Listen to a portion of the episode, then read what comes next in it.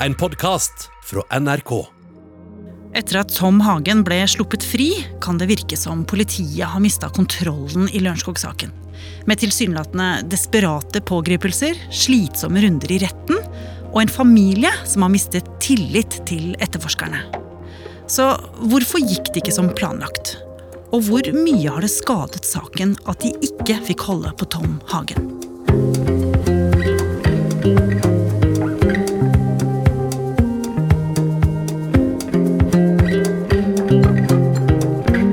Hører på Oppdatert.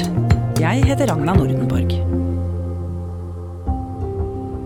I en og en halv uke har Tom Hagen sittet varetektsfengslet her i Oslo fengsel. Siktet for drap eller medvirkning til drap på sin kone Anne Elisabeth Hagen. Høyesterett la i dag anken til politiet til side og bestemte at Tom Hagen skulle løslates. Det er jo ekstremt oppsiktsvekkende, den eh, vendinga som nå har skjedd i, eh, i Lørenskog-saken. Og det var nok ikke dette etterforskningsleder Tommy Breske og, og resten av de som jobber med denne saken i eh, Øst politidistrikt, hadde sett for seg skulle skje, at nå er den mannen de har etterforska hemmelig helt siden sommeren, han spaserer fritt ute, uten at de har kontroll på han eller eh, hvem han snakker med. Dennis Ravndal er journalist i NRK og følger Hagen-saken tett.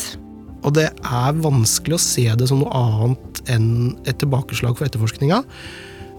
Og det som har skjedd, kan få store konsekvenser for muligheten til å oppklare saken, tror jeg. Ja, Kan ikke du forklare oss hva det er som tyder på at politiet nå sliter? Ja, da tror jeg vi må gå litt tilbake og så se på hva politiet egentlig har gjort og tenkt eh, i denne saken. Og da er det sånn at siden i fjor sommer så har politiet hatt som sin hovedhypotese at de står overfor et drap, og at den mest sannsynlige gjerningsmannen da er Tom Hagen. Og det politiet gjorde da, var at de gikk til retten og ba om å få starte en skjult etterforskning. Noe som betyr at de kan overvåke Tom Hagen uten at han vet det. Og det gjør de for å se om de får bevis for at han er skyldig. Ja, det er, det er riktig. Men man kan jo ikke fortsette med en sånn skjult etterforskning i all evighet. Så på et tidspunkt så må man sette seg ned og si hva gjør vi nå, og se på hvilke beviser man faktisk har. Og da er det jo åpenbart da, at man har tenkt at her er det nok. Og da har det blitt et hemmelig møte et sted i Oslo, der etterforskningsledelsen har sittet, statsadvokaten har sittet, og jeg vil tro også noen fra Riksadvokaten har sittet. Så har man vurdert bevisene, og så har konklusjonen på dette møtet vært nå pågriper vi Tom Hagen.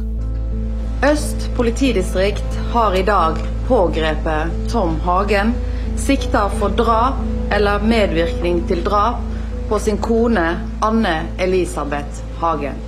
Og dette er jo vært en helt vanlig tirsdag morgen for, eh, for Tom Hagen. Han vet jo ikke at han har vært etterforska i lang tid. Han har da gått ut av huset sitt i Sloraveien, akkurat som han pleier. Satt seg i bilen sin, akkurat som han pleier. Og vet ikke at politiet står og venter på han. Og så blir jo da Tom Hagen, 70 år, eh, plassert i håndjern, inn i en politibil, kjørt ned på politistasjonen i Lillestrøm og plassert på en glattcelle. Siktelsen markerer at saken nå går over i en ny fase. I denne fasen er det viktig for meg å understreke at selv om Tom Hagen nå har fått status som sikta, er saken fremdeles under etterforskning, og det er flere ubesvarte spørsmål som politiet kommer til å jobbe videre med. Og så langt har alt gått etter planen. Ja, det har det. Nå har de eh, fått kontroll på Tom Hagen. De har eh, gjort klart begjæringa til, eh, til tingretten på å få han fengsla, og de sitter nok med et par avhørere klare og et avhørsrom klart, og pusser på alle de spørsmåla de har tenkt å stille Tom Hagen de neste ukene. Fortell litt mer om det. Dette er jo et brekkpunkt i enhver etterforskning. Nå, nå, har du en, en sikta, eh, Og det politiet skal gjøre da, det er jo å undersøke om den hypotesen holder. Sant? De skal stille han spørsmål som enten kan gjøre at de blir sikrere på at det faktisk er han som er gjerningsmannen, eller finne ut at dette faktisk ikke stemmer, for det er det alltid en risiko for for politiet. De er jo ikke 100% sikre. Og da planlegger de avhør som er etter en helt annen modell enn det man ser på amerikanske detektivserier. Det er ikke liksom McNulty som kommer smellende inn eh, på ei lita celle og, og, slår i bordet. Dette er etter eh, en god norsk sosialdemokratisk eh, modell. Dype lenestoler, lite rom, tre personer, rolig stemme. Og det begynner jo da med et det som kalles en fri forklaring. At den som er sikta, blir bedt om å forklare seg, selv om han har forklart seg før, helt fra starten, og fortelle med, sin, med sine egne ord eh, om saken. Mm. Og så har de nok lagt en grundig plan for ulike temaer som de er interessert i, som de da begynner å stille spørsmål om i avhør som følger etter hvert. Og så er jo da tanken bak denne avhørsmodellen å sirkle seg inn sånn at man kan utelukke alle andre alternativ. Ikke sant? Mm. Du stiller et, eh, et, åpent spørsmål, får et svar på det, så kommer du kanskje tilbake til det svaret som ble gitt to uker seinere. Men i avhør for to uker siden sa du jo at dette, og vi har jo tekniske bevis som viser dette. Hva tenker du om det? Ja. Det var dette de skulle gjøre. Ja, men så begynner det jo å gå gærent. Familien Hagen har jo hatt en bistandsadvokat eh, hele tida, som heter Svein Holden. Han er en eh, svært erfaren statsadvokat, mest kjent som en av de to som eh, aktorerte saken mot Anders Behring Breivik. Vært politiadvokat i, i mange år og er superrutinert. Han blir nå Hagens forsvarer, og han må da sitte hele helga og lese gjennom disse mange tusen sidene med, med dokumenter og prøve å slå hull i indisierekka til politiet. Han leverer da sin anke sånn rundt midnatt på søndag, og politiet har da frist til å svare klokka 14 eh, på tirsdag. For de må jo også lese hans nye argumenter. Det sier politiet at det rekker vi ikke. Vi har ikke nok tid. Holden har brutt så mye tid at vi trenger også litt ekstra tid. Så de får da utsatt frist til klokka ni neste morgen. Mm -hmm. Og da går eh, disse dokumentene til eh, lagmannsretten, hvor det er tre dommere som skal vurdere det. Og så, den samme dagen, så kommer jo en sjokkbeskjed, nemlig at to av tre dommere mener at politiets beviser ikke holder, og at Tom Hagen må løslates. Hvordan reagerte du da du hørte at han var blitt løslatt? Jeg sto, jeg eh, var akkurat begynt på jobb og sto eh, i trappa som er over eh, redaksjonslokalet. Henta meg en kopp kaffe, og så får jeg en melding fra en kollega om at Hagen skulle løslates. Ingen andre som visste det enn oss på det tidspunktet. Jeg tror jeg tok den trappa ned i to steg og løp bort på desken, sånn at vi kunne få ut den nyheten. Fordi at det er jo ikke det, det, skjer jo innimellom at lagmannsretten løslater noen, eh, også på det som heter førstegangsfengsling. Men da er jo ofte argumentet at det ikke er noe bevisforspillelsesfare, f.eks. Altså at de ikke kan ødelegge noe bevis selv om de ikke sitter i varetektsfengsel. Mm. Men her hadde jo dommerne gjort noe helt annet. De hadde rett og slett gått inn og vurdert bevisene, og mente at bevisene ikke holdt. Altså det, de mente at politiet ikke klarte å gjøre det sannsynlig at Tom Hagen var gjerningsmann. Og dette var jo, som du sier, et sjokk. Hvem var det som ble mest overraska? Jeg tror kanskje de som ble mest sjokkert av dette, var politiet. Eh, for nå sto de med fryktelig dårlige kort. Altså, De hadde muligheten til å anke dette til Høyesterett, og det gjorde de, men det var i realiteten ikke noe løsning. Høyesterett kan ikke vurdere bevis, de kan bare vurdere om det har eh, vært en saksbehandlingsfeil eller lovanvendelsesfeil. Mm.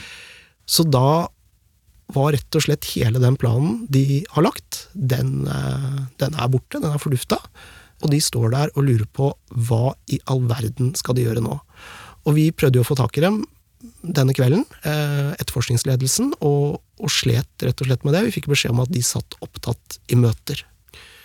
Og neste dag så forsto vi jo årsaken til det, eh, og det var rett og slett at de følte seg tvunget til å gjøre nok et, eh, et trekk som eh, gjorde at denne saken så helt annerledes ut. Her er NRK Dagsnytt, det er midnatt. I går ble nok en person siktet i Lørenskog-saken, en mann i 30-årene med forbindelse til Tom Hagen. Mannen er nå hos politiet, men de har ennå ikke bedt om et fengslingsmøte for å vurdere varetekt. Altså Like etter vi har fått beskjed om at Hagen er sluppet fri fra varetekt, så kommer en ny overraskende melding. At politiet har pågrepet en annen person som de mistenker å stå bak drapet på Anne Elisabeth Hagen. Hvem er denne mannen? Ja, vi har jo ikke skrevet navnet eh, på denne mannen, det er det heller ingen andre som har. Det er en eh, mann i 30-årene som eh, har hatt en ja, slags relasjon til noen rundt Tom Hagen, og som vi vet at Tom Hagen selv forklarte seg om i avhør med politiet ganske tidlig. Okay. Han husket ikke navnet hans da politiet snakket med han, mm -hmm. men han fortalte dem hvem som visste navnet hans. Og her har det da kommet frem eh, at dette er en fyr som eh, dukka opp hos eh, Tom Hagen på kontoret hans i Futurumbygget på Lørenskog, og ønska å diskutere en forretningsidé med denne mannen, som jo da er god for rundt en milliard kroner. Ja, Og hva var den forretningsideen? Ja, dette er en fyr som er veldig opptatt av kryptovaluta. Han visste at Tom Hagen er hovedeier i et svært strømselskap og så jo for seg at det var mulig å inngå et samarbeid med Hagen, eh, hvor de bygger en eh, ja, Kall det bitcoin-fabrikk. Så rett og slett eh, et, et, sted som utvinner denne kryptovalutaen bitcoin, og som de kunne tjene masse penger på. Så har vi prata med folk rundt Hagen som sier at uh, dette er ikke så veldig uvanlig. Det dukker opp folk på kontoret hans fra tid til annen. Noen ganger har han tid til å prate med dem, andre ganger har han det ikke. Uh, og de sier at det er helt utenkelig at 69 eh, år gamle Tom Hagen skulle investere eh, tosifra antall millioner i en eh, bitcoin-fabrikk. Det kom aldri til å skje. Men denne fyren skal jo da dukke opp noen ganger til, og noen ganger så hadde Tom Hagen tid til å ta en prat med han, og, og andre ganger ikke. Og politiet mistenkte da denne mannen for å ha drept, eller vært med på å ha drept Anne-Elisabeth Hagen. I hvert fall så virka det jo sånn da han ble pågrepet, for da var han jo sikta for drap. Men i løpet av helga så blir jo han da løslatt igjen, eh, og da er siktelsen endra til bortføring eller medvirkning til bortføring. Ok, Går det an å tenke seg hva politiet mener at han har bidratt med? Det er vanskelig å å si noe om det når vi ikke vet hvilke bevis de egentlig sitter på, men det er jo naturlig å tenke seg da at eh, han kan ha hatt en rolle i å lage dette kryptovalutaopplegget som vi har hørt om i tidligere episoder, mm. eh, og som var en forutsetning for at eh, kidnapperne skulle slippe Anne Elisabeth Hagen fri. Mm, for der skulle jo kommunikasjonen gå gjennom kryptovalutaplattform, og ikke minst pengestrømmen. Helt riktig. Men det at de da har eh, også måttet gi slipp på denne fyren og også endret siktelsen, hva betyr det, Dennis? Nei, Det er jo vanskelig å si hva det egentlig har å si for etterforskningen, men, men det er klart at i det etterlatte inntrykket der ute, hos alle oss som står og følger med på denne saken, så virker det jo som om de er i ferd med å miste litt eh, kontrollen. Og at pågripelsen av Tom Hagen kanskje kan ha gjort det vanskeligere å løse denne saken, i stedet for enklere. Det som skjer, det er jo at eh, de får jo ikke bare Tom Hagen mot seg, men det er jo også barna eh, og familien til Anne Elisabeth Hagen som vender seg mot politiet nå og sier at eh, de ikke har tiltro til måten de etterforsker saken på, og at de mener at Hagen er uskyldig. Og hva er problemet med det? Problemet med det er jo at uh, dette er en uh, det er drapsetterforskning. Og det er en veldig krevende drapsetterforskning. Det er en kvinne som er sporløst borte. Det finnes veldig få konkrete holdepunkter for hva som har skjedd. Og da dreier jo etterforskning seg om to ting. Det handler om å legge et vanskelig puslespill med tekniske bevis. Og så handler det om å kartlegge og få bekreftet informasjon om hva som har skjedd i tiden forut og den dagen dette skjedde. Og de eneste som kan svare på det, det er jo familie og venner. Og hvis de ikke ønsker å prate med politiet, da blir den etterforskningen fryktelig krevende. Og nå er det jo veldig mange som har begynt å spørre seg var denne strategien riktig? Hva mener du om det, Dennis? Ja, det tror jeg er altfor tidlig å svare på. Eh, det tror jeg. jeg, jeg altså, hva politiet faktisk sitter på, og hvilke planer de hadde med denne pågripelsen, det vet vi rett og slett ikke. Eh, men du har jo helt rett i at ute blant folk som bare ser på denne utenfra inn, så, så, virker jo dette som en etterforskning som ikke bare står i stampe, men hvor det rett og slett er gjort en del ting man nok oppfatter som, som uh, merkelige. Og det er klart at det er et problem for politiet, for de er avhengig av tillit.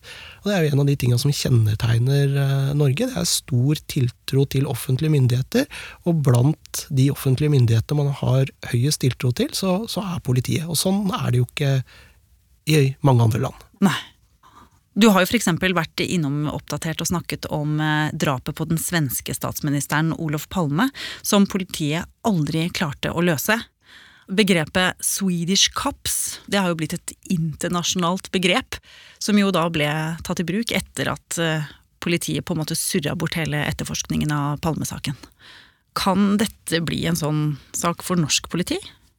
Ja, Palmesaken som fortsatt ikke er oppklart, den er jo fortsatt et problem for svensk politi, og den gjorde nok at svært mange i Sverige mista mye tillit til at politiet klarte å gjøre den jobben de skal gjøre. Og så er det altfor tidlig å si om, om dette er en sak som vil føre til det samme i Norge, men det er en sak som nesten mangler sidestykke i moderne tid på, på hvor mye oppmerksomhet den får, og, og, hvor mye folk er opptatt av hva som skjer. Og det er klart at det er de etterforskerne som skal drive frem denne saken, klar over. Og skulle dette ende med at norsk politi ikke klarer å løse dette, altså finne ut av hva som har skjedd med Anne-Elisabeth Hagen, ja, da tror jeg de har et problem.